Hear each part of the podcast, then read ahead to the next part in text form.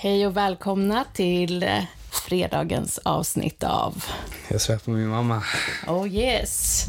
Det är en väldigt, väldigt eh, speciell dag idag. Mhm, Det är mhm. säsongavslut av säsong ett och sen har vi en fantastisk gäst med oss som vi ska avslöja alldeles strax vem det är. Men vi börjar traditionsenligt med ett Elias-citat. Det här var 14 juni 2012.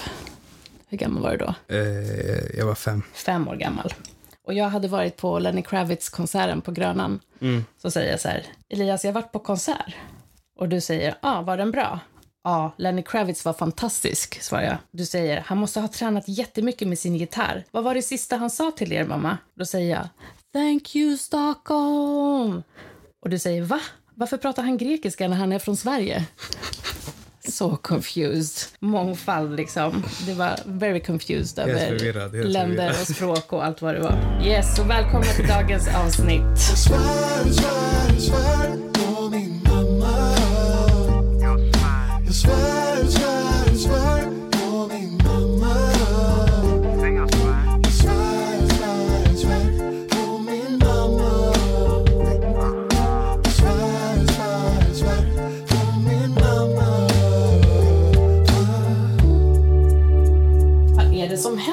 Berätta. Yes, så idag har vi eh, med oss Fille som eh, jag tror väldigt många vet om liksom, från Ison och Fille och allt som reppar 127.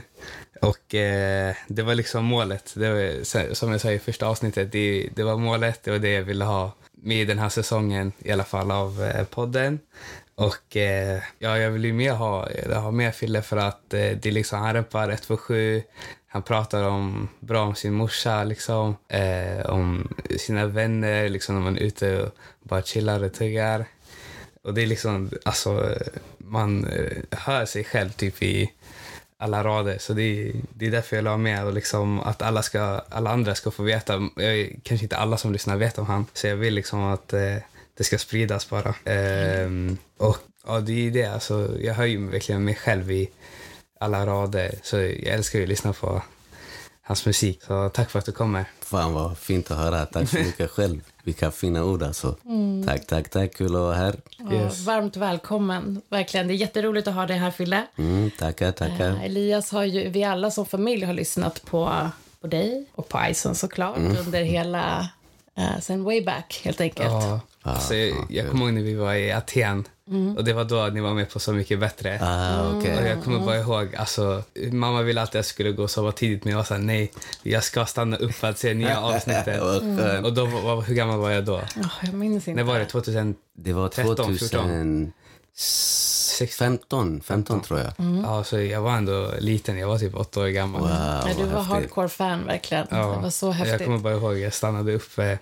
Alltså för det var också, det är så här en timme framåt ju. Mm. Det, den släpptes ganska sent och jag såhär, nej jag ska se nytt avsnitt. För det var så här, ni var de enda sköna i det avsnittet. Ja, vad för då det. jag förstod ju aldrig, alla var så här gamlingar och sen ni, ni kom, ni lärde andra slang. Och det var så här, Du kunde relatera. jag svär. Äh, vad Ja, roligt det är alltså. häftigt. Så häftigt. Ja, och sen, det är det, du känner ju mamma för att eh, ni gick i samma skola liksom. Mm. Så, alltså, och samma klass visst? Ja, Mm. det gjorde vi faktiskt. Lågstadiet, mellanstadiet och högstadiet. Högstadiet också. Gymnasiet gick vi tillsammans fast inte i samma klass. Ja, var jag gick så? samhumanistiskt och Ja, du gick just det. Ekonomisk samekonomi. Eller bara ekonomi. Ja, det var nog sam, Sam- samekonomi var Ja. det. Ja, Så att jag, ganska många år har vi ändå liksom varit ja verkligen eh, alltså. nära. Ja. Vad tyckte du om mamma? Liksom? Hon berättade alltid om hon var så lite low i skolan, inte så känd. Och... Men jag var inte så känd. Men jag, vet, jag var nog på... Jag minns din mamma som, som alltså någon som... För jag som person, jag har alltid varit väldigt så här blyg och tillbakadragen. Men jag minns din mamma alltid som en så här öppen, någon jag kunde skratta med. Som hade typ eh, samma typ av humor som jag. Eh, och någon som var välkomnande. Jag, så som jag minns det, jag minns dig som en glad person. Men det är väl det i så korta ord. Jag minns dig som någon som som jag kände mig trygg med, som jag kunde skratta med och som var snäll helt enkelt. En, snäll, en snäll kompis. Tack. Och du var väldigt snäll. Mhm. Alltså jag vet att det var perioder under den, ja, men som det är för många när man växer upp. Liksom. Det är lite svårt att hitta sig själv eller Mm. hitta konstellationer som det tryggt och nice att, att vara i. Men du var alltid så snäll. Är det sant? Jag, jag kommer ihåg dig som väldigt blyg. Jag kommer ihåg när, när du uppträdde på skolavslutningen i nian. Och det var liksom som att det var en, en överraskning för så många av oss att Just du det. ens höll på med musik. Jag vet att man kunde hamna i det så här, men gud, känner jag inte dig? Alltså att det var som att du höll i en, i en hemlighet, kanske att du ville ha det liksom privat. Yeah. Men det var så häftigt att se att eh, det var, fanns en integritet, tror jag, ho- hos dig som du var så här, mån om, upplevde jag. Ja, ja, ja. Och sen också att eh, hur rörigt det än kunde vara ibland runt omkring så var du också en väldigt trygg liksom, punkt där man visste att du, du snackade liksom inte skit om någon och du var lugn samtidigt som du var rolig och det var, det var så perfekta trygghetskombon. Nu Fan, menar jag främst här, mellanstadiet, högstadiet, jag eh, fattar. perioden. Och min mamma brukade ju så här, eftersom hon såg att jag ibland var lite lite ensam och utstött. Humorn var min strategi Mm. för att eh, liksom, hantera eh, vissa svåra perioder. Men eh, du älskade min mammas bullar. Oj, ja. Alltså, Det var det bästa dem. du visste. Ja, för fan vad, vad goda bullar de gjorde. Jag fick inte gå så ofta på skoldiskon och sådär för eh, min pappa. Men jag vet en gång när han åkte till Grekland och så var det skoldisco precis då. Mamma bara, gå, passa på att gå på diskot. Och då hade hon bakat så mycket bullar och jag och du stod mer och åt bullarna än vi stod och dansade. Det var väldigt roligt. Ja, hennes bullar, alltså jag håller med. Hennes bullar är sjuka. Alla hennes bakverk är... Där. Wow. Ja, shit, jag minns dem. Men sen vi hade så här några hemmafester i högstadiet. Ja, just det. Jo, jo, jo, jo. Då var det ändå lite mer så här att vi, ja, men så här, vi började leva lite Ja, men så mer. kanske det var. Jag, fan, jag har så svårt att... Jag minns så här eh, fragment, eller så bilder typ mer av, typ av min ungdom och mitt liv. Jag vet inte varför, men jag har svårt att minnas eller så detaljer typ. Och lite så här bilder. Jo, men jag minns att vi, att vi var där på... Jag vet inte om det var många eller om jag var där på någon Nej, hemmafest. Jag kanske var en eller två som jag minns i ja, så alla kanske fall. det var. Ja. Okej, men hur var det, alltså för det är också, hur var det att bo i Skäristad? Alltså, du kanske inte kommer ihåg så mycket, men... Eh, Jo, men alltså jag minns, alltså för mig det har alltid varit eh, det har varit en stor så här, en stolthet att komma, att komma härifrån. Jag, eh, jag tror också att det är typ så här att växa upp i utanförskap som man brukar kalla du vet, förorten och utsatta områden. Det, alltså man hittar en, en gemenskap som, som man kanske inte hittar på samma sätt på andra platser.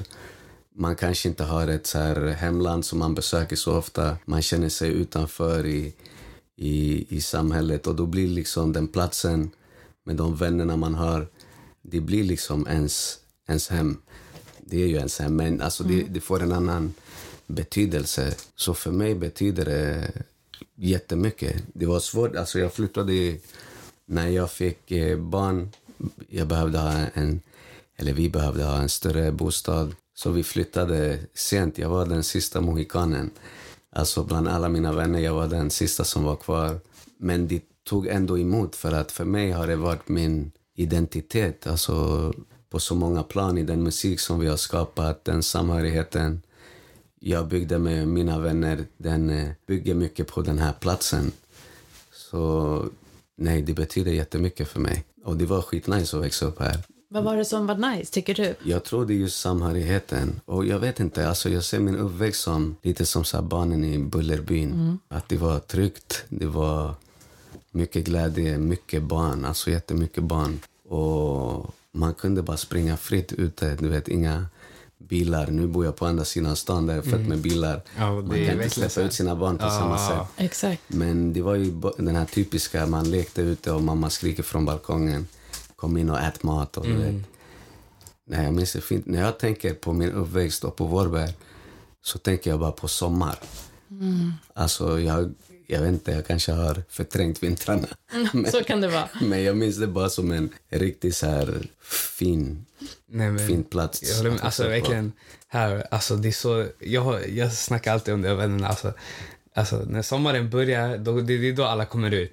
Vintern, våren, alla sitter bara inne och chillar. Mm. Ja, det är det. det, är det. Alla minnena när man så här pratar om så här grejer, jag brukar sitta ofta med vänner och så här, prata om gamla minnen, så här, när man var liten. Och alla minnen är från sommaren. Mm. Det är så här, det som är andra minnen, då är det så här över luren när man snackar på Ja, garvar. så här. just det. A- Allt är sommaren här, Yeah. när man är nere och badar och fotbollsplanen, allt sånt där. Mm. Och, Och sen tänk, så- när jag och Fille var tonåringar, då hade vi inte sociala medier ja, Det, heller. men, det är eh, som du säger, så här, med att mamma eh, skriker för att ropa för att äta. Mm. Så här, jag kommer också ihåg att bara leka här ute. Alltså, och de behöver inte, mamma behöver inte oroa sig för att eh, andra ska komma. Det var alltid så här, här lekte barnen och man var hemma hos någon och det var alltid lugnt. Sen det var, det, jag fick min första lur, för, alltså så här, riktigt, riktigt första lur. Jag var typ så här åtta, nio. Du fick din när du var ganska jag var gammal. 15 år gammal Ja. när jag fick min eh, första. Det är det, Adam, typ Adam, alltså lillebror. Han fick sin när han var typ så här sex. Alltså när han började förskoleklass. Det, det ändras för att det är så här, det är ny, nya grejer. Och när vi fick vår första lur, jag vet inte hur gammal du var, kommer du ihåg? Jag var typ så här anti. Jag, jag, Ja. jag, jag fick, eller jag köpte min första lur när jag var typ 18 tror jag. Men då var det ju bara så här sms och ringa. Ja, exakt. Ja, Eller precis. hur? Ja, ja, det, vi- fanns ju inte något ju- Och annat. Snake, typ. Exakt. Kunde- Det var ju det. man köra. Ja. Kan jag fortsätta? Kör.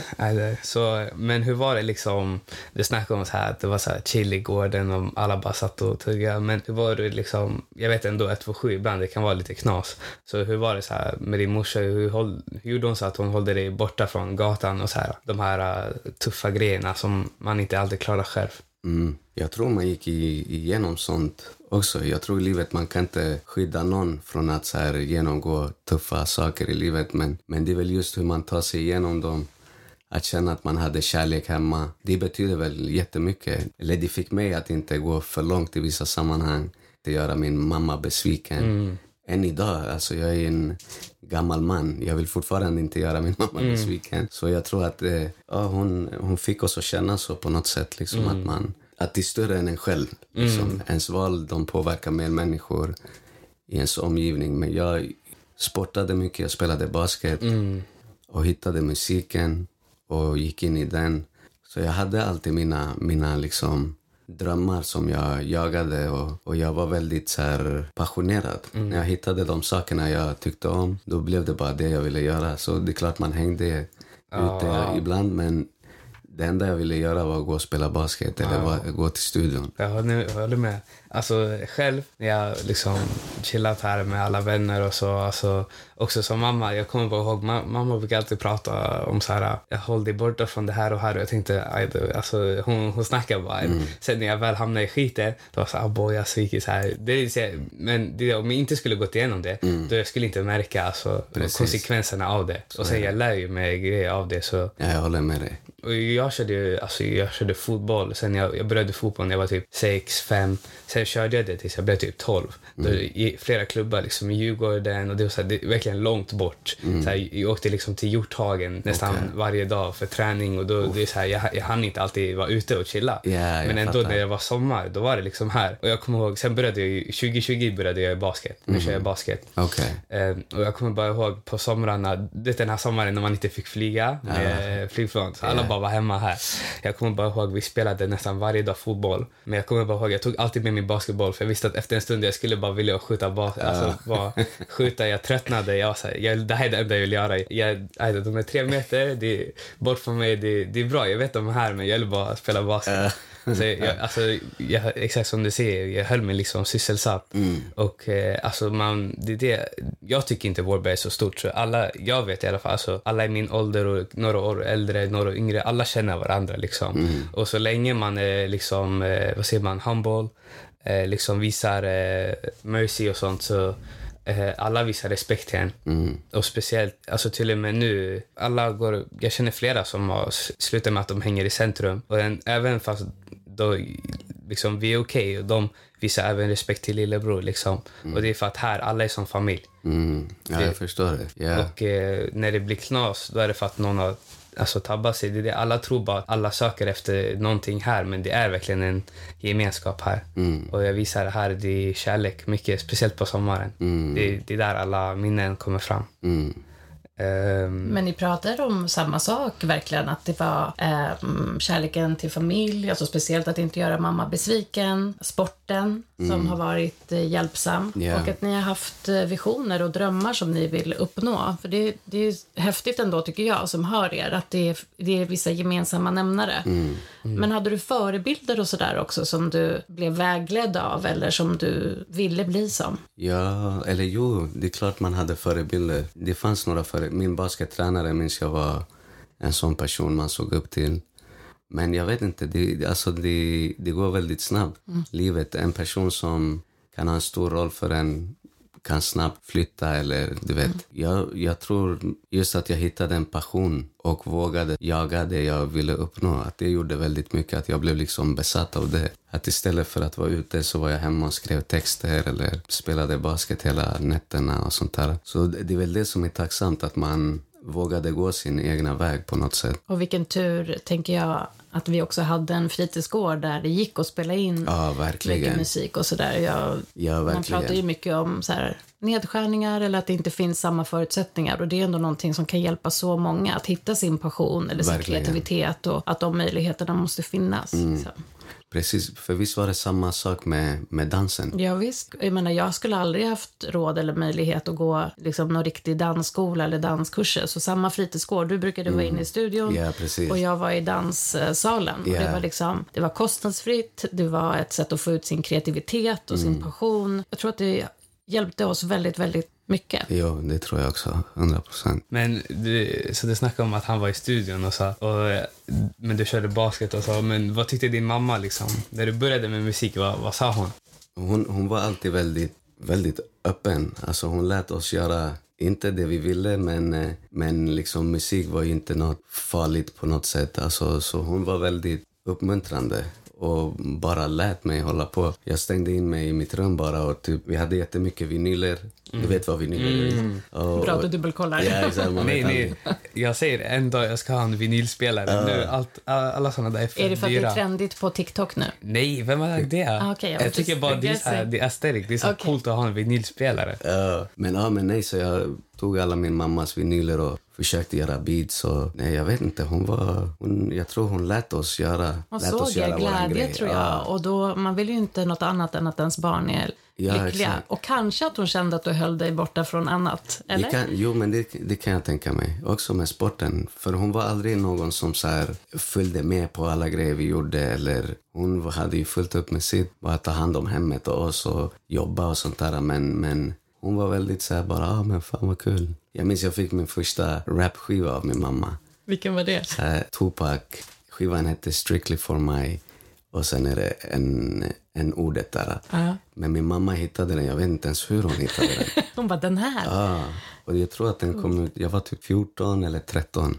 Fin symbolisk gest också att få, eh, få musik på det sättet av Ja. sina föräldrar. För vilka vinyler hade din mamma hemma? Det Kommer du var, ihåg? alltså hon hade jättemycket så här klassisk rock och så här latinamerikansk. Det var en massa musik, vi hade skitmycket musik hemma. Men så då kommer hon också från liksom, en situation där musik är säkert hem och Ja, trygghet. exakt. Alltså det låter som att hon också vände sig till musiken. Ja, jag tror, min mamma lyssnade inte så mycket. Jag tror hon hade med sig, säkert i Chile under sin uppväxt och lyssnade hon mycket på musik. Men väl hemma, jag minns inte som att hon satte på musik mycket, men den fanns där i alla fall.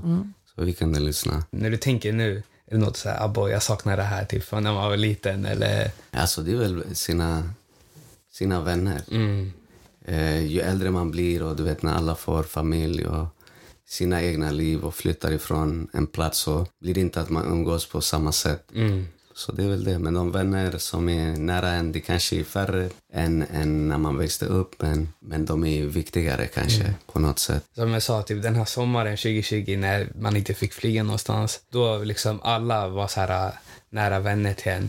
Och sen desto äldre man blir, alltså jag är fortfarande ganska ung, jag är 16 år gammal. Men eh, alltså många börjar göra sin egna grej liksom. Bara att eh, ibland man, man ändras när man växer så man glider ifrån varandra på sitt sätt. Man har olika intressen men alltså man kommer alltid vara okej liksom. Det är den, alltså jag har kanske tre, fyra just nu så här nära, nära vänner.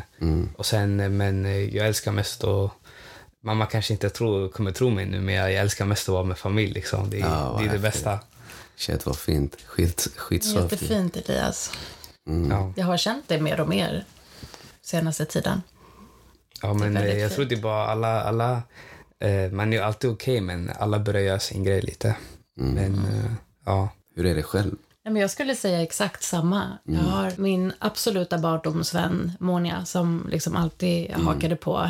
Det är Elias gudmor. Så Mm. Okej. Hon är den som jag verkligen fortfarande har som nära vän och som är från när jag var sex år gammal. Jag tror att det är väldigt ovanligt liksom, att man hänger kvar så, så länge. Jag skulle säga att hon är mer som en syster än Mm. som en eh, vän. Sen är det som du sa, kontakt med väldigt många liksom, eh, på sociala medier, så det har ju sina fördelar också. Ja. Och det handlar inte om ovilja att höras. Det är liksom livet idag. Så här, kombinera alla de här arenorna, jobb, um, vara närvarande föräldrar. Jag tror vi ställer väldigt höga krav på oss.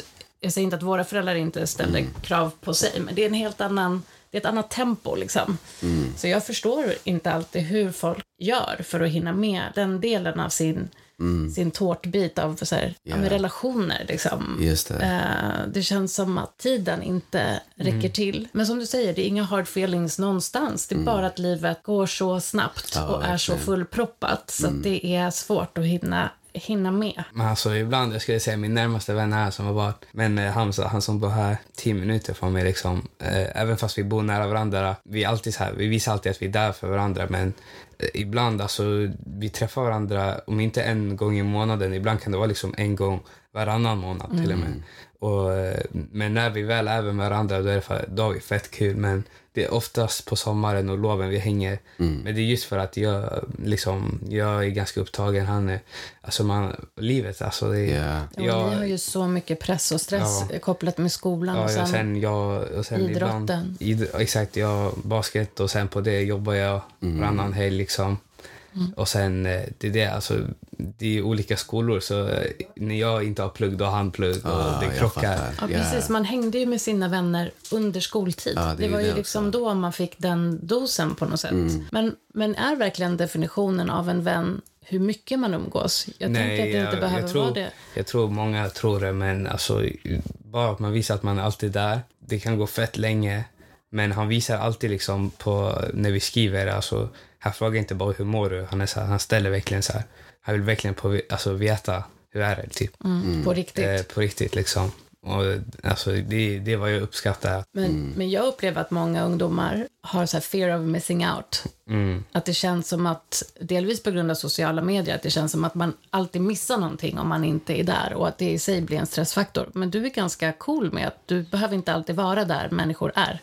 För ditt Mm. Nej, jag- sociala jag känner batteri tar slut liksom efter ett tag. Då är det du och basketbollen och, ja, men som. Fille sa, man är så olika. ja, det är både prioriteringar men också att man är olika som personer. Men ni har ju en himla bra strategi på tal om att eh, kunna göra roliga saker tillsammans men att det inte heller får kosta för mycket. Eh, ni är väldigt så här, ansvarsfulla när det gäller ekonomi och det tror jag också är en så här, fördel med att växa upp här, att så här, man fattar att pengar kommer inte gratis. Man behöver liksom Ja, jobba, det det. ta ansvar, spara. Jag och vänner brukar alltid snacka om det, vi i skolan. Det är så här, speciellt när många börjar jobba själv typ, och tjäna sina egna pengar. Många förut var så här att man vill alltid fråga sina föräldrar om pengar. Sen när man tjänar sina egna pengar då så här, ah, det kanske ändå finns mat hemma och sånt där. Att man är verkligen Man börjar försiktig, med, Ja, sin, det. försiktig med sina pengar. Du vet förut men när man alltid åkte så här förbi Donken, man vill alltid ha Donken. Och sen ens föräldrar sa så här, "Nah, vi har mat hemma. Och sen när man sj- själv tjänar pengar, då är det så här, ah, vi har mat hemma.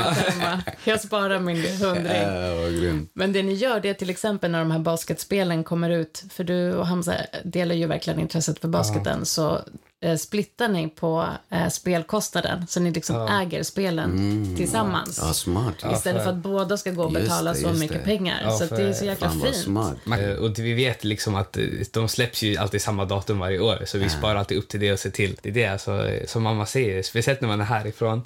Alltså, det är säkert, det kan vara vart som helst egentligen, men är det. jag tror speciellt här, folk vet liksom sin budget och man ska vara Skitsmart. Fan vad grymt. skitsmart. Ja, men du fick ju lite chock när du bytte skola mer mot, ja, mer centralt. Så vart du bjuden på så här födelsedagar där det var så här lyxrestauranger, eh, taxi till bio, eh, taxi hem.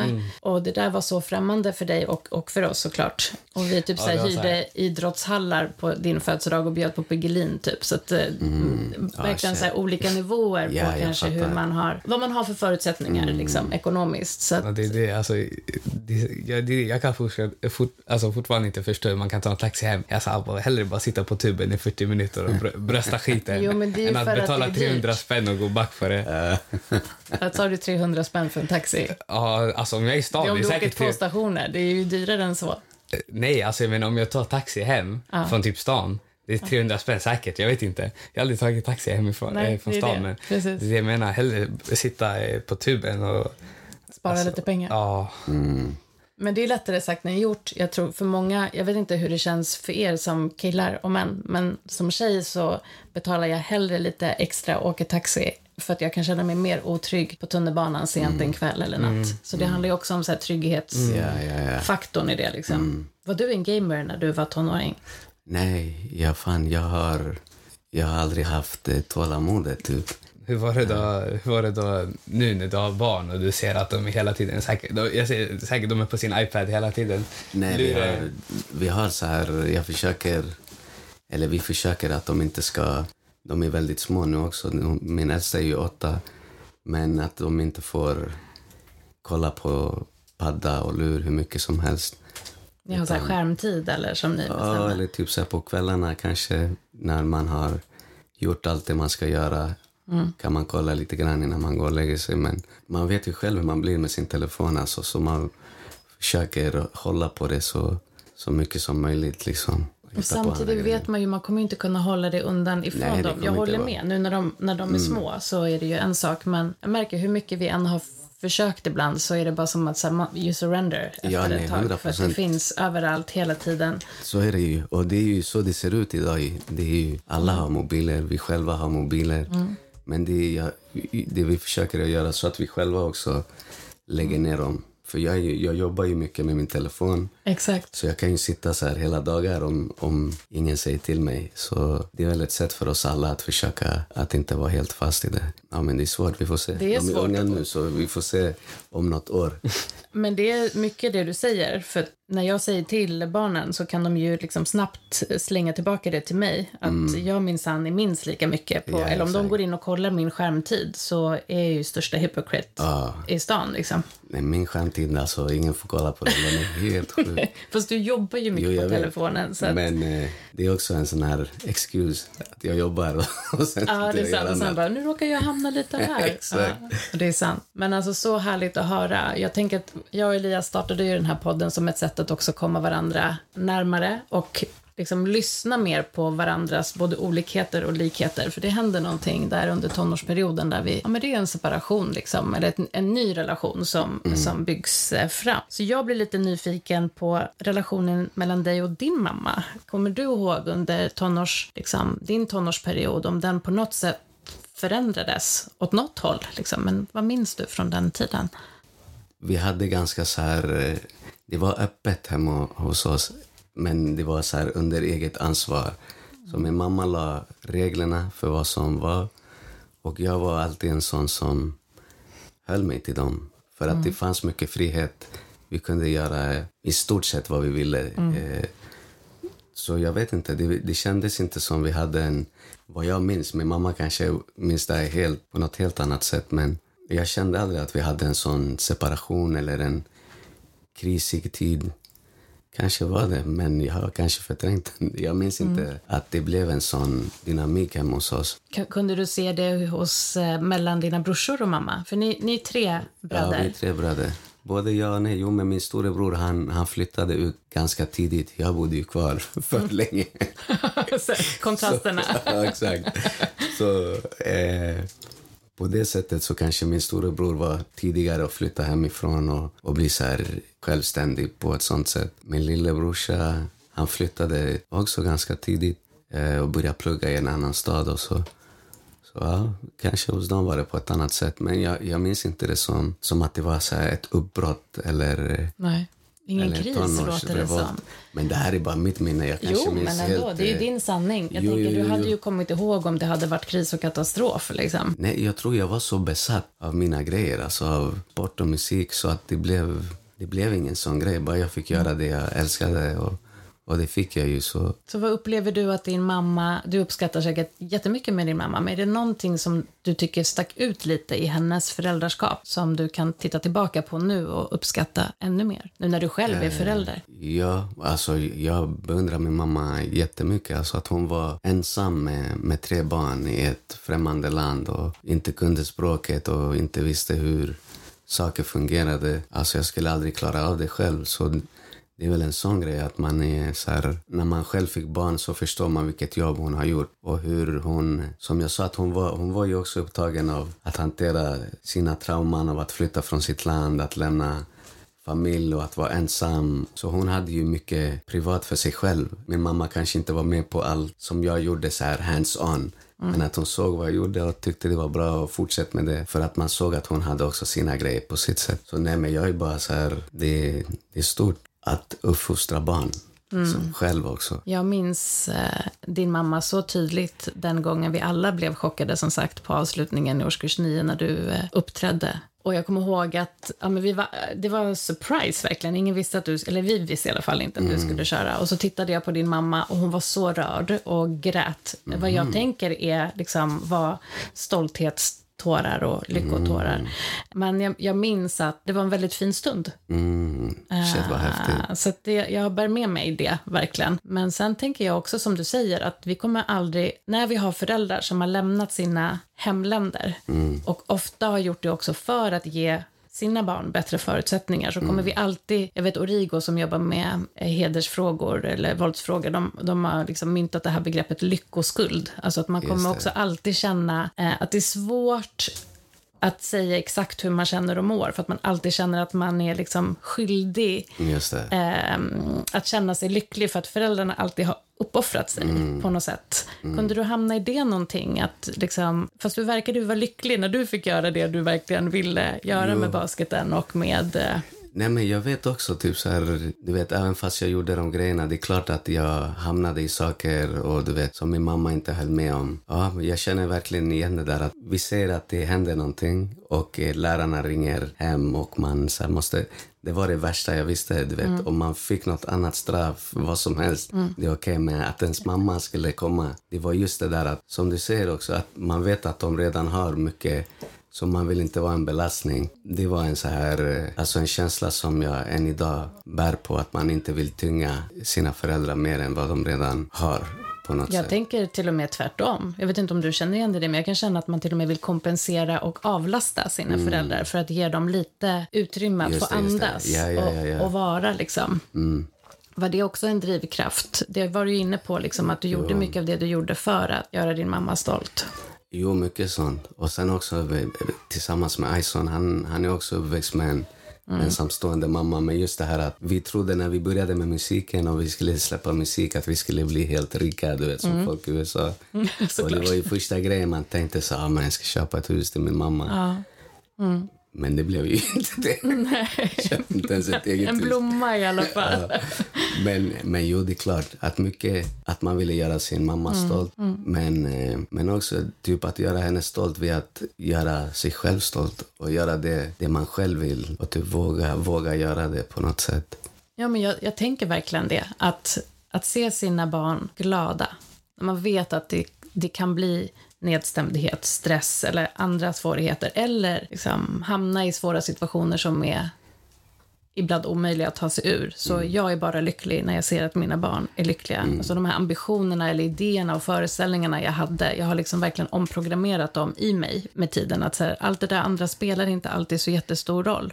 Och jag blir jag blir också eh, rörd när jag hör hur du uppskattar, eller jag tolkar det som att du uppskattar din, din mammas eh, frihet, alltså att ni fick ta ansvar under friheten. För det tror jag att jag har gjort för lite av under mitt föräldraskap, att jag har gått in och detaljstyrt så mycket. Det är mitt sätt att ha liksom kontroll över att jag tror att då finns det en garanti av att saker och ting kommer bli bättre.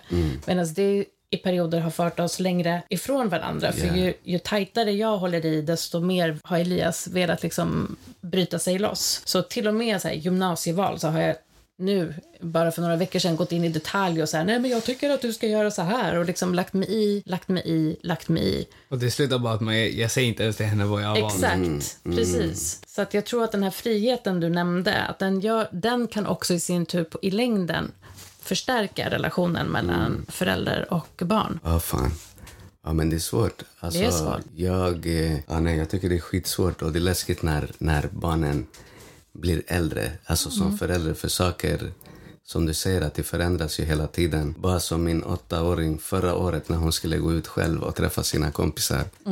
Jag fick ju chock. Hon bara, "Nej, jag ska bara gå och träffa mina kompisar. Tove och någon annan. Så jag bara, va? Jag ska träffa mina kompisar. Du bara har det här chippet på dig. Nej, ja, jag, alltså jag fick panik. Jag bara kollade på min fru. Jag bara, får hon gå? eller?" Så hon bara, det är klart hon får. Mm. Jag bara, okej. Och det var bara- såna grejer. Att det, Man kommer det är svårt att släppa och du vet, man vet inte när de kommer. Och, ja, fan, jag, ja, jag kan tänka mig att det är svårt. det är svårt. Tider när de ska komma hem. Och Mm.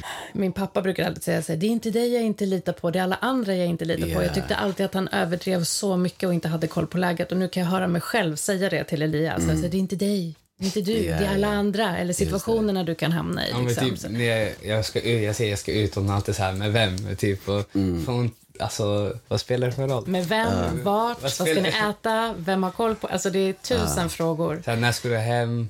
Jag är chill med det, typ. Men jag känner så här, vad är skillnaden om jag hänger med dem eller om jag hänger med dem? Alltså, jag, jag ser ingen skillnad, typ. Och på tal om frihet, det är så här, jag vill ha känslan av kontroll, vilket är jätteknasigt för obviously så klarade vi oss förr i tiden när det inte fanns telefoner och det, liksom, Ja. det blev bra människor av oss. Men det är på något sätt eh, min, min oro för saker och ting som obviously tar över. Jag minns en, en kväll, kommer du ihåg när ditt batteri hade dött? Och du var i Hägersten någonstans. Och stackars dina vänner visste också att jag skulle flippa totalt så här efter en timme att inte få tag i Elias. Så de liksom offrade sig och lägga hans telefon i kallingarna för att liksom värma telefonen för att se om det skulle komma tillbaka Så någon batteritid. Bara så att du ska förstå hur ängslig jag, jag blir liksom. Och jag hade... Vi sprang hem, alltså vi sprang till närmaste polaren. Jag, sa, Och jag hade jag inte så, "Hon kommer döda mig, hon kommer döda mig, hon kommer döda mig." Och jag hade inte Snap-karta så jag kunde inte, så jag fick ringa liksom eh, Immis bror som hade Snap för att säga kan du se vart Elias, ja men du vet jag får såna, vi matas ju också i media av så här, the worst case scenario som, som kan hända. Ja. Eh, så att jag, jag behöver jobba mer på fri, eh, känslan Ja, av sen- att kunna ge dig frihet och ansvar i det. För han har aldrig, det är väldigt sällan han har proved me wrong. Det är klart han är tonåring, det kommer hända situationer och har hänt situationer som inte alltid är optimalt. Men Ja, it's men, life. eh, sen jag kommer ihåg, jag laddade min lur och sen kom pappa och hämtade mig. Och det enda han sa i bilen, han bara din mamma kommer döda dig. jag bara, wow. Och hur kändes Ah, det då? shit. Hur var jag när du kom hem? Alltså, du var fett. Jag kommer bara ihåg, du satt med typ pyjamas och väntade här nere. Ja. Var Ja, det the silent treatment eller fick jag någon hysteriattack? Nej, du gav mig typ bara kram och sen sa du typ godnatt och sen Okej. Det var- det var chill. trevligt. Ja, det var Då hade jag hunnit lugna mig. Jag tror att det var därför jag skickade in mig. För hade jag åkt, då hade det liksom blivit mig hem i bilen. Ja, man lär sig av sina triggers liksom. Ah, shit. Men du har ju nämnt din mamma och hennes vinylskivor och att hon uppenbarligen också såg att ni blev lyckliga, att du blev lycklig av, av musik och sport och gav er det utrymmet. Men du har ju också, eh, som du har nämnt, två brorsor och ni alla har en kreativ ådra. Författare, musik, eh, skådespeleri, eh, säkert ännu mer än det. På vilket sätt eh, förutom att det ligger i er och att ni har uppmuntrat eh, varandra, på vilket sätt har, har din mamma liksom varit med i den processen? Men jag tror det är just det där att, alltså, att, hon, att hon lät oss. Jag vet att när, när jag gick ut gymnasiet, min mamma har alltid varit så här att man måste plugga. Man måste plugga, det är viktigt att ha, det vet man ju att det är viktigt att ha ett betyg och allt det här. Men när jag gick ut gymnasiet så skulle jag börja plugga i Södertörn. Jag hade sökt någon kurs där, men jag var verkligen inte motiverad. Så jag gick några gånger och sen, sen slutade jag gå. Så minns jag att jag gick hem till min mamma och sa så här, eh, mamma jag, jag kommer inte plugga nu. Jag ska bli rappare och artist. Sen min mamma kollade på mig, jag trodde hon skulle vända upp och ner på lägenheten men hon, hon bara, ah, okej, okay. gör det och sen kan du plugga lite längre fram. Så jag bara okej. Hon lät oss, hon gav oss den friheten att liksom göra det vi ville på något sätt. Eh, och jag tror att det är just det som, som gjorde att vi, vi alla fortsatte jaga de drömmarna på något sätt. Men ändå intressant att skolan har varit någonting som hon har hållit hårt Ja, vid. verkligen. Alltså skithårt. Och det säger man ju, så här, all forskning är ju enig om att skolan är en skyddsfaktor. Oavsett vart man bor och vilka förutsättningar man Mm. Just har. det. Jag tror att många av våra föräldrar, eller jag vet inte hur det var för din mamma, men mina föräldrar gick ju inte i skolan. Jag Mm. tror de, mamma gick ut årskurs åtta eller nio och min pappa gick ut årskurs sex. Typ. Okej. Så för dem var ju det också ytterligare en, en, ett moment i att ge mig och mina systrar det de själva inte Mm. kunde få. Ehm, varför tror du att studier var så viktigt för din mamma? Jag tror för att hennes familj var sån. Alla hade typ pluggat och studerat och kom från, kom från, från ett sånt hem. Eh, och också att vi var i ett nytt land där vi inte visste hur saker fungerade. Så ett liksom, betyg eller ett diplom, det var ett kvitto på att du kan någonting. Ja. Så att du kan söka jobb vart du än är, typ på något sätt. Hon ville ge, er liksom biljett, Ja, väl entrébiljett till olika Exakt. möjligheter. Ja, precis. Typ nu också, typ när jag har så här skola och sånt. Förut i början, pappa var så alltid han ville. Jag skulle så här, kämpa, kämpa, kämpa. Och sen jag har ganska svårt för så här NO-ämnen, alltså biologi, fysik och sånt. Och sen jag kommer ihåg några år sedan så har jag eh, pluggade skitmycket och jag fick bra betyg i dem. Och sen nu sista året då sa jag till pappa, jag bara, alltså jag mådde inte ens bra av att plugga så mycket för alltså jag bara, jag tycker inte ens om de här ämnena. Sen så han sa bara, jag bara ditt bästa typ. Och sen går det som det går. Eh, och sen nu så fick jag typ, ja inte det bästa betyget men jag är ändå nöjd för att alltså jag mår mycket bättre Fan vad grymt. ju. nu ändå. Och sen jag vet ändå, jag kommer inte plugga de ämnena sen i gymnasiet så jag är okej för jag kommer bara gå liksom, det är det gymnasiet man får liksom anpassa sig lite mer vad man Ja, gillar. ja, ja. Men, men eh, jag, fan, det är det som är det häftiga. För att vi fick det hemifrån, typ att det var viktigt att eh, plugga. Alltså det är livsviktigt. Men jag känner ju inte så. Nu när jag är den jag är och har egna barn, då känner jag precis så som du berättar. Att man inte ska stressa upp sig. Det ordnar sig. Vi vet att man behöver inte det här diplomet. Det är skitbra att ha. Exakt. Men det finns andra vägar att gå. Jag gick ju en helt annan väg än den min mamma hade tänkt var den rätta vägen. Det gick bra för mig ändå. Liksom. Så det finns ju fler sätt än just de här traditionella. Men bara göra sitt bästa, det är det nyttigaste tror jag. Så att man inte stressar upp sig- sig och får ångest över saker som, Exakt. som man inte behöver ha ångest över på något sätt. Ja, för på vilken bekostnad? Men man kan ju träffa hur många ungdomar som helst som det går bra för i skolan, men de är också typ utbrända Just och det. Mm. inte ens fyllt 18. Och det är något, någonstans någonting som vi också kan vara med och påverka. Så här, vil- vilka liv är det vi vill att våra barn ska leva? Ja. Den där balansen, jag vet inte hur den ser ut och på vilket sätt vi ska liksom leverera den, men jag tror att samtalen är jätteviktiga. Och jag har tänkt på det där, du säger det ofta så att jag och pappa har sagt att man ska göra sitt bästa. Och jag har funderat på om det verkligen är det bästa att säga. För det är så här, gör man verkligen sitt bästa? Alltså jag vet, jag gör inte alltid mitt bästa när det är saker jag tycker är ett, ointressant, två, svårt. Då, alltså instinktivt pallar man inte när någonting, när det är någonting som gör att man känner sig mindre bra på det. Jag vet att man kan öva sig till det. Men jag menar, jag, jag måste fundera på om det verkligen är det bästa att säga. Att man alltid ska göra sitt bästa. För jag tror vi människor gör inte alltid det. Alltså när vi gick i skolan, vi gjorde inte alltid vårt bästa. Sen ibland var det medvetet och ibland var det medvetet. Men när det var någonting man var hungrig efter eller tyckte om eller trodde på eller hade en vuxen runt omkring som uppmuntrade, ja men då gjorde man sitt bästa. Ja, det är det faktiskt. Fan. Det, det, ja, det är jättesvårt det där också. För det är precis som du säger, vissa saker, det är det som jag, när jag, just när jag tänker på det som min mamma sa till mig och hur jag är med mina egna barn. Det är just att man vill eh, försöka hitta någonting som betyder någonting för en själv. Exakt. Så att man kan göra det bästa inom någonting som betyder något. Du vet, så att man inte bara lär sig, vi säger en tabell. Exakt. Hitta en väg, men det behöver inte vara den traditionella Ja, vägen. exakt, precis. Ja, jag tyckte om det du sa. Alla behöver inte köra copy-paste. Mm. Eh, Men du hittade ju ändå en väg som funkade för dig. Jag tänker att det, på tal om tonåringar idag, så kan jag uppleva att det är många som letar efter en väg. Mm. Eh, Man har svårt att antingen hitta den, eller så finns det massor med obstacles och hinder på vägarna som gör att tonåringar idag inte riktigt får eller kan komma fram. Men jag måste säga, typ, många, jag vet många nu, de siktar alltid för så bra betyg för att de måste det för att typ, eh, alla i deras familj har så här, eh, också så här skitbra betyg eller värsta jobbet och sånt. Men sen vet jag själv att de kanske inte ibland orkar, de är så helt trötta och så. Och sen tänker jag också, alltså, att pappa är den enda familjen som har typ gått eh, universitetet liksom. Eh, eller inte den enda, men alltså, han är den som har pluggat längst. Men sen ändå finns har alla andra syskon, hans syskon, lyckats lika bra. Eh, så liksom att eh, få bästa betygen, det inte... Det finns flera vägar liksom. Ja, hundra procent. Och sen också livet, det, alltså, man kan ändra sig. Det är det som är det grymma med livet. Man kan börja någonstans och sen märka att det inte var det man ville Mm. och börja om. Det är ju det. Ja, men de möjligheterna har vi ju verkligen här i Sverige. Jag vet när jag pluggade till socionom så var ju det var liksom allt från 18-åringar till 50-åringar. Och det tycker jag är så häftigt. Ja, att så här, vi har möjligheter att få testa om eller börja om eller hitta nya sidor hos oss själva.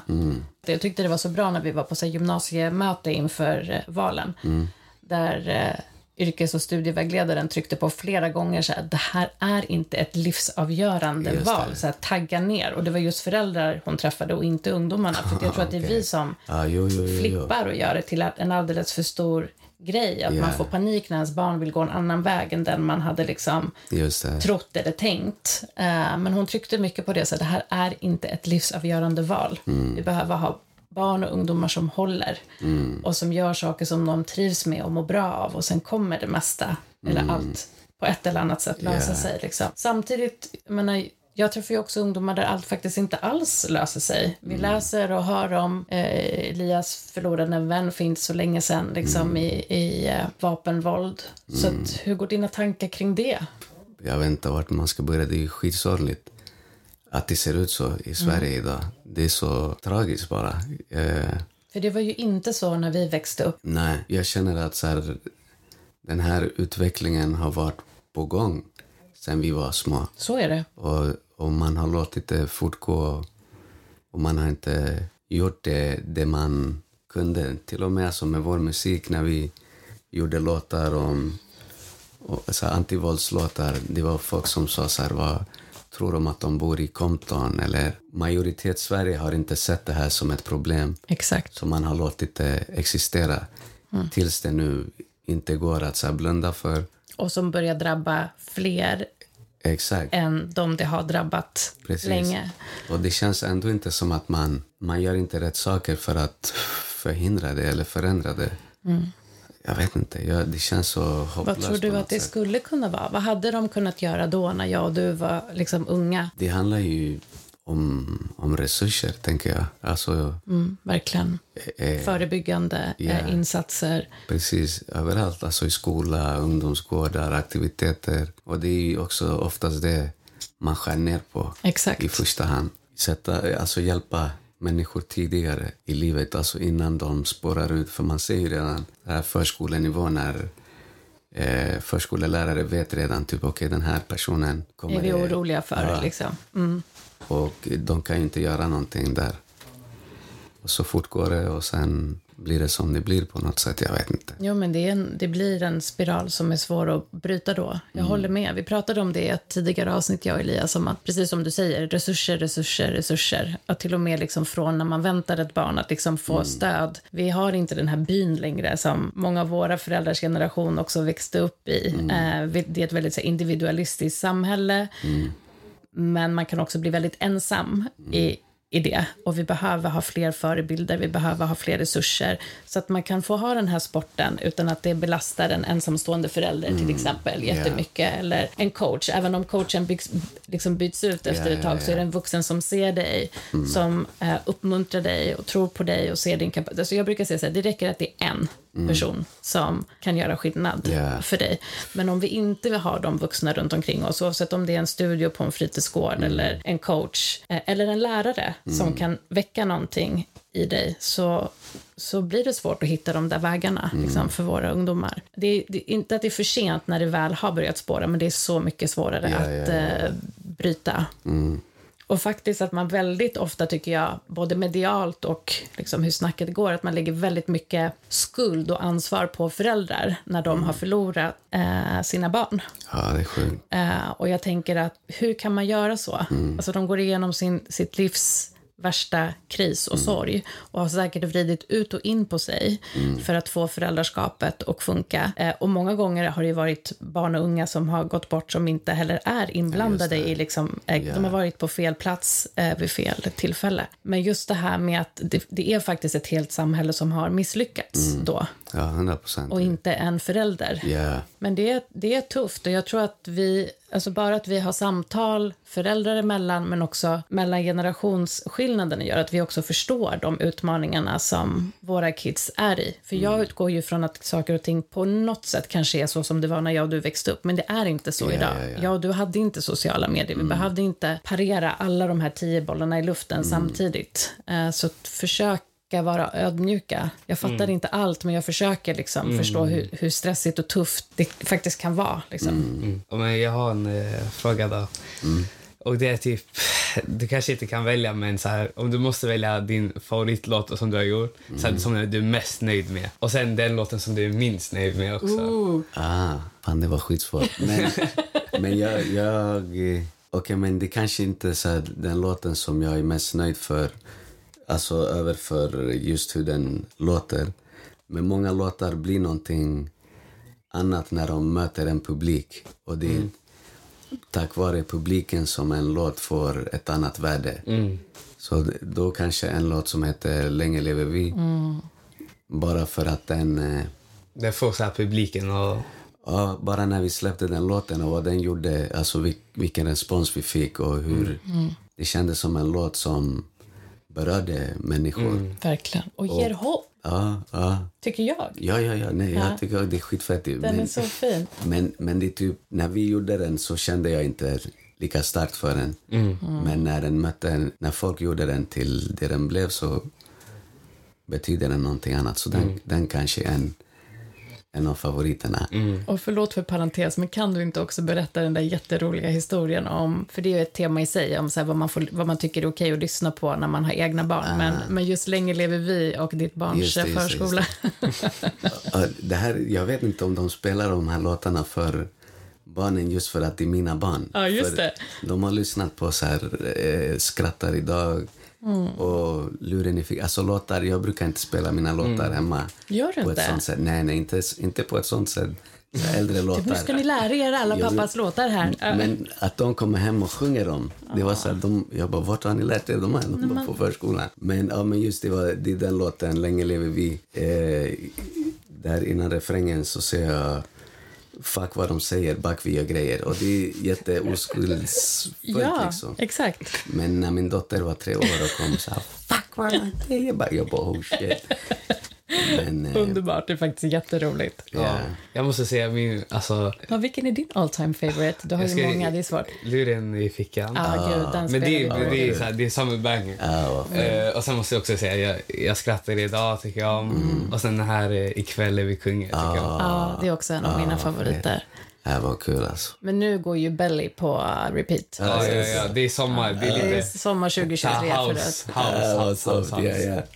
Ja. Det är faktiskt jätteroligt. ja, vad kul. Men vilken låt, eh, man kanske inte vill säga att det är den låten man gillar minst, men det kan ju vara ibland att man tittar tillbaka på sina så konstverk. Och, du, du spelar in den och säger bara, vad fan är det här? Nej, Alltså, det finns många såna låtar. Nej, inte, inte när jag har varit i studion, för då känner man ändå så här, den här, den här ja, men var efter, det är så här, vad fan. Nej, efter nu, det finns många, många, många låtar. Det finns många låtar och sen också ibland kanske man har sagt grejer som man ser tillbaka på och bara, uff, så är det där.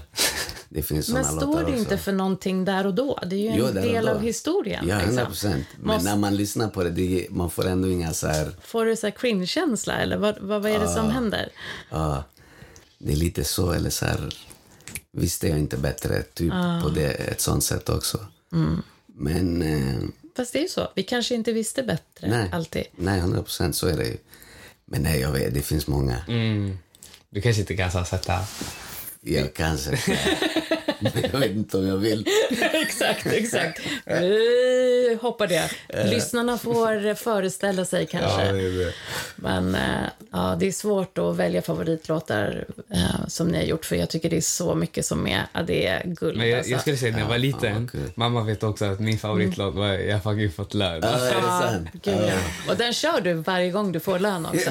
Ja, men det är sant. Då vet man så här, japp, nu har eh, är löning lönen från Vinterviken kommit. Liksom. Ja. Klockrent. Det är lite så här fira in eh, cashen. Kul. Vilken, låt, vilken eh, låt har jag spelat eh, mest från Ison och Fille? Eh, jag vet inte, jag tror jag kör den här med, vad heter han, Alex, den här stationen. Ja, stationen. Just. Den, Stationen den kör jag du väldigt mest. mycket. Jag tror du kör den mest. Ja, ja, det är fan också en, en favorit. Och sen, eh, vet jag inte om du minns det, men Lägg ner ditt vapen har jag också eh, spelat väldigt, Ah, väldigt shit. Och sen Sena nätter, tomma glas tror jag du spelar mycket. Den är fin. Den är kul, fin. Jag gör så himla mycket bra grejer. Ja, alltså. Fan vad kul alltså. Bangers på bangers. Och jag kommer ihåg Alex, som är med i många av era låtar, han var också mycket på gården back in the days. Då brukade ni också spela in eh, med honom där. Eh, Precis. Han började komma mot slutet tror jag. Ja. Hur, hur möttes er? För han är ju inte från Skäris. Nej, han, han Inte för att jag menar att man bara hänger med folk från Skäris, men jag Yeah. menar Ison var ändå så det var Bredäng och ni Yeah. hade JKS, eh, basketen Exakt. gemensamt. Han, han, eh, han är uppväxt i Fruängen. Mm. Det var via en annan, en annan vän, Jeremy, Mm. som... Du vet som vi var är och äter sushi hos. Ja, vi går ofta till Jeremy. visst. bästa. Han är bäst. Men, eh, Shout out Jeremy. Exakt. Men det, det var via honom, tror jag. Vi hade bokat någon studio på en annan plats och så kom han med, med Alex. Så minns jag det. Jag är Mm. lite osäker, men så lärde vi känna varandra och så började vi prova att göra lite musik. Och, Det är så häftigt hur vägar kan mötas. mm. Men eh, har du någon liksom, em, tips till eh, eh, en tonårsförälder som du tänker att så här, wisdom ändå från dig och till en... Jag menar, jag kommer alltid vara... Han är hans mamma, kommer alltid vara hans mamma men jag har väldigt svårt att relatera hur det är att vara tonårskille. Så om det är någonting så här, om du ska ge tips till ditt, din tonårsson när han blir tonåring, vad tror du? Så här, tips till en förälder och tips till eh, en tonåring. oj, alltså jag tyckte det var jättesvårt. Det är du som ska ge tips till mig. Alltså. Jag, mina barn är små. Så, Vi får fika och stötta varandra Det- längre det är fram. så här- Äta min mammas bullar och cry on each Exakt. others. Alltså, så, det är du som ska ge tips till han. det är- Jag menar, Mm. Men jag tror, alltså, jag tänker just det här med, äh, alltså du bor eh, inte 127 längre, men jag tänker ändå du bor i en förort liksom. Eh, som, med den, har- liksom, som ändå är ett samhälle. Så jag tänker så här, alltså du kan, kan ju fortfarande lära dem mycket om så här hur det har varit för dig. Och det är det, jag älskar att lyssna på pappa hur det har varit för han att växa upp där han bodde, även fast han bodde andra sidan eh, Stockholm än vad vi är. Eh, så jag tänker så här, du berättar dina stories tror jag kan hjälpa dina barn mycket. Liksom. Men, men det, och just det, det här också med att bo på en plats. Jag bodde i Vårberg jättelänge. Och jag, det tog emot när jag skulle flytta härifrån. Men det är också tro, en grej som är... Nu delar vi ju den här kärleken för 127. Eh, Vi bryr oss mycket om den här platsen. Men just en sån sak som att världen är ju mycket större än just den här platsen. Och det finns jättemycket att utforska Usch, ja. som är så här nyttigt för en själv.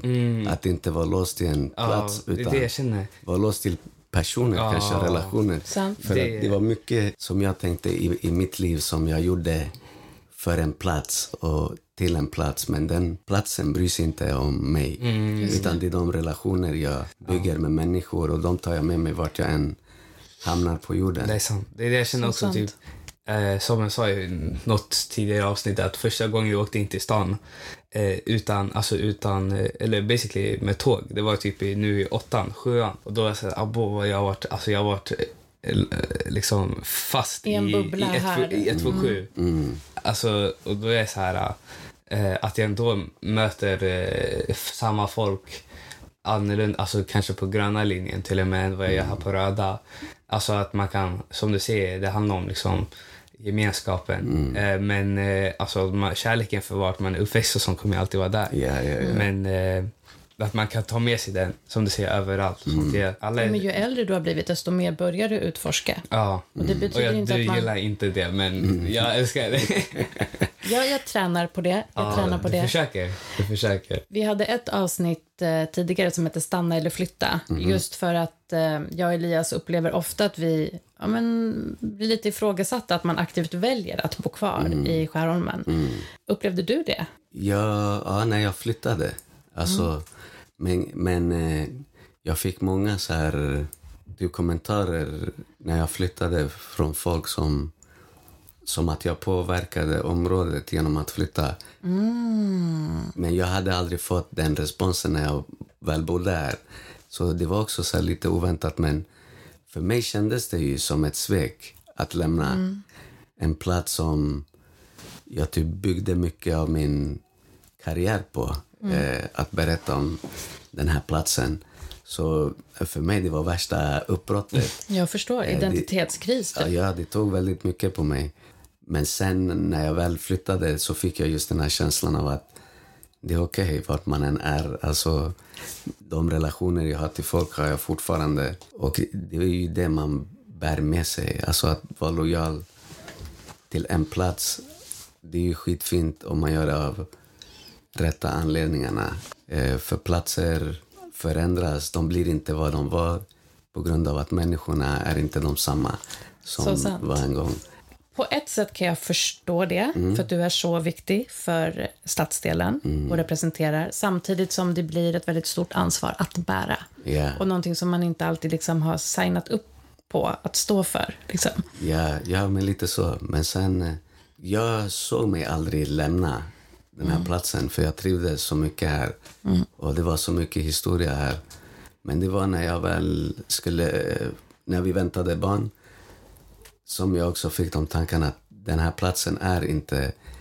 Jag romantiserar bilden av Ja. vad den här platsen betyder för mig.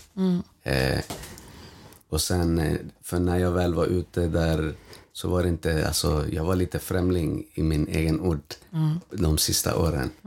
Men alltså det du säger, så här, att upptäcka andra grejer, alltså det, det är nice. Alltså, det, det, är så här, det är speciellt när jag, alltså, jag åkte verkligen så här, försökte explora hela Stockholm med. Och så här, jag, jag har varit fast i Skärix för länge. Så här. Även fast jag älskar Skärix. Jag är så här, vad- Men också att man ser så här likheter mm, i andra områden och andra städer. Att de har det typ likadant som man själv har det. Det är också en mäktig Det är en gemenskap i det också Ja, på något exakt. sätt. Men Jag måste ju ta upp den sista grejen innan vi avslutar. Och Det är ju den här beefen jag och du ofta har när det gäller vad för typ av musik får man lyssna på och inte lyssna på. Och det är ju det också, förutom att er musik Fille, är helt fenomenal så känns det också som att det är musik jag kan spela utan att känna att jag behöver censurera den på något sätt. Eller den får inte mig att känna mig olustig i, i min egna liksom, det, bil. grej, det känns som att varje gång jag lyssnar på sånt där och det känns som att du bara, du lyssnar, du lyssnar Aktivt. inte. Ja. Nej, du lyssnar inte, du lyssnar inte. Du lyssnar, alltså, så, fort, så fort det är svordomar, då, så här, då lyssnar du. Det enda du hör i låten är svordomar, svordomar. Du lyssnar inte på allt annat de säger. Fast det är ju inte liksom svordomen i sig, det är the context. Liksom, när det handlar om kanske väldigt långdragen beskrivning av synen på kvinnor.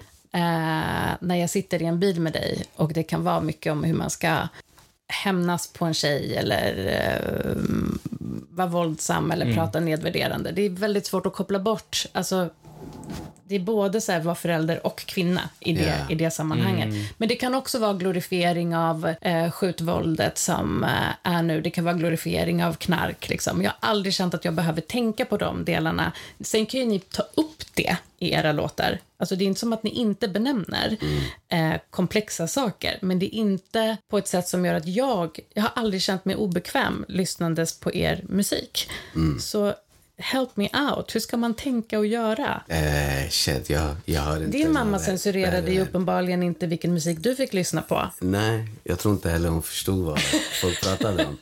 Men, men nej, det, alltså, det är också olika tider. Typ att vi pratar så som vi pratar i vår musik. Vi är ju äldre, vi kommer från en annan tid. Då lät den här musiken så. Och vi pratade om, om den världen som var runt omkring oss då. Nu pratar ju unga om det de ser och det också som är inne och det som folk gillar att höra. Det är, jag har också svårt när jag åker bil med, med, med min familj jag, och det kommer mm. såna låtar. Jag har skitsvårt Ja, så du har att svårt. lyssna på, på dem med, med mina barn. Ja, precis. Alltså för mycket. Du vet, någon låt här och där, det är okej. Men jag, jag hamnar också i ett visst eh, state of mind eller känslomässigt när det blir för mycket. Men jag, jag, det är väl också som du säger, man är äldre, man är förälder. Man tänker mycket mer, man lägger mer i de orden som sägs. Medan eh, för andra är det ju bara musik, så som vi lyssnade på Tupac. Det var bara musik och sen håller man inte med om allt. Nej. Jag, jag tror inte Elias håller med om allt som sägs i de låtarna heller, men det är feta låtar och sen finns det feta rader där, sen kanske någon lite sämre rad här, men det är ändå bra låtar. Det är life också Så, ju. ja, exakt. Lite bra och lite dåligt. Ja, tack så, så mycket. Det här var, vad tar du med dig från idag, Elias? Ett eh, stort minne. Och sen eh, att eh, allt löser sig bara. Att allt löser sig. Och att, eh, vad säger man, eh, upptäcka... Världen upptäck- utanför 127 ska vi Exakt. upptäcka mer. Ja. Du då, Fille, tar du med dig någonting från idag? Ja, jag tar med mig just det här med, med att eh, relationen till sina barn förändras hela tiden. Och hur, att försöka bygga ett starkt band. Ni har ju ändå, till synes vad jag vet, ni har ju en jättefin relation till varandra. Att ni kan prata om, om så mycket olika saker. Och, och just att ni har en podd ihop, det är skitmäktiga grejer att också själv ta vidare med mina barn. Kanske inte starta en podd, men starta något annat i framtiden. Ja, 100 procent. Men, men att försöka bygga en relation så att man kan hjälpas åt och navigera livet tillsammans. Liksom. Tack. Och jag, jag tar med mig att det har varit så mäktigt att sitta i ett rum med er båda där en liksom barndomsvän och trygg punkt blev och är min sons eh, förebild och som jag vet eh, ser upp till dig. Och att få sitta i den här liksom, konstellationen var väldigt rörande och fint. Och vi vill Ja, tacka dig för att du tog dig tiden, Ja, Fille. tack själva. Verkligen. Fan. Tack själva. Tack. Tack. Jag svär, svär, svär på min mamma. Jag svär.